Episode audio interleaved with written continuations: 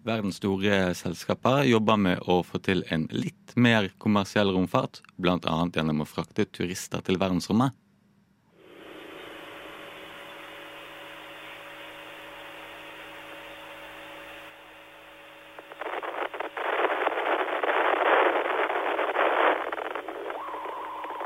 juli 1969 lander Neil Armstrong og Buzz Aldrin på månen. Det var da et stort steg for menneskeheten.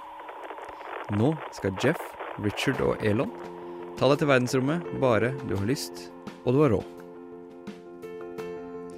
For ti dager siden sendte Roskosmos, russiske NASA, opp raketten Soyuz MS-19 mot den internasjonale romstasjonen ISS. Om bord var det ikke bare reinspikka astronauter, men også skuespilleren Julia Peresil, som skal spille inn flere scener til en russisk spillefilm i det ekte verdensrommet.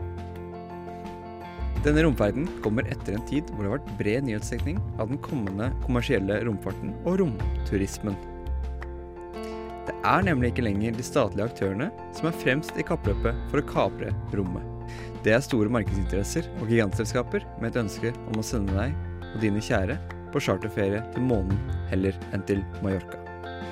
Richard Bransons eh, Virgin Galactic er et av disse selskapene. Det samme er Jeff Bezos' eh, Blue Origin og Elon Musks SpaceX, selvfølgelig.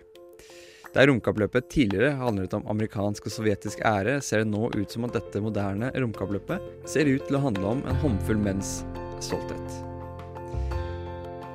Kappløpet handler ikke i grunn om det å få sivile turister ut i verdensrommet, for det får vi til i dag også dersom vi ønsker som eksemplifisert av Julia Peresild, men heller det å få romferdene til å bli så kostnadseffektive at det er noe folk som ikke er milliardærer eller har backing av de russiske myndighetene, har råd til. Det første disse selskapene da setter seg som mål, er å skape romraketter man kan fyre opp flere ganger, slik som Blue Origins New Shepherd, som var første romrakett til å nå verdensrommet to ganger.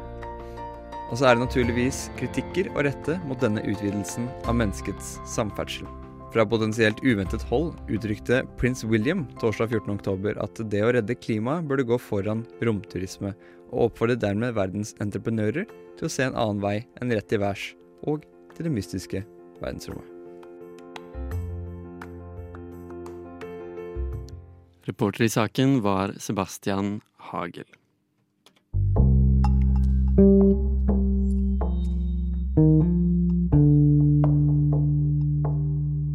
And this is insane. I've never seen this in any other country. Never in my life.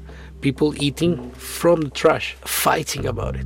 Eh, når så mange er ensomme, så ligger jo på en måte ikke dette på, på individleger. Det ligger på systemet. Vi er i ferd med å ødelegge evnen vår eh, permanent kognitivt i hjernen til å konsentrere oss over lengre tid. Radio Novas samfunns- og aktualitetsmagasin gir deg historiene, sakene og debattene andre overser. Aldri redd, alltid balansert. Opplysningen 99,3.